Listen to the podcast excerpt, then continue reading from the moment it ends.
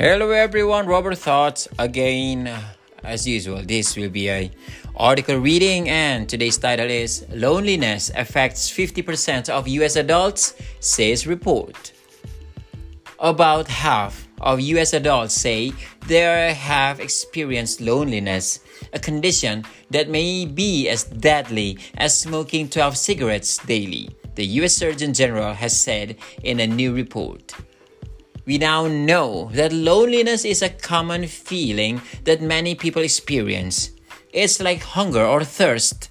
It's a feeling the body sends us when something we need for survival is missing, Dr. Vivek Murthy told the Associated Press. Americans have reported an increase in feelings of loneliness for decades, but the crisis worsened when COVID 19 spread, causing millions of Americans to isolate themselves from relatives or friends.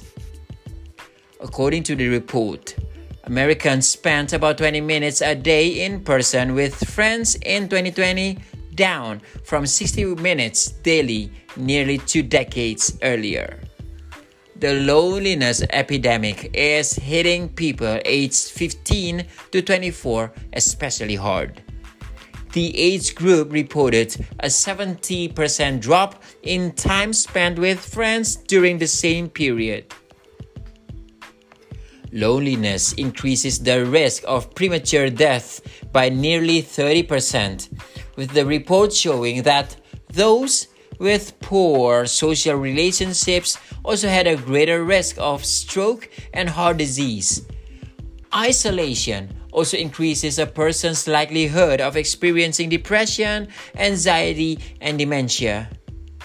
Technology has made the loneliness problem worse, with one study cited in the report finding that people who used social media for two hours or more daily were more than twice as likely to report feeling socially uh, isolated than those who were on such apps for less than 30 minutes a day. Ooh, so social media makes things worse. Hmm. to tackle this problem, Murthy suggested that people feeling lonely join community groups and put down their phones when catching up with friends. He added that employers should think carefully about their remote work policies and health systems should provide training for doctors to understand more about health risks of loneliness. Thank you so much, everyone. That's it. I'll see you again. Bye bye.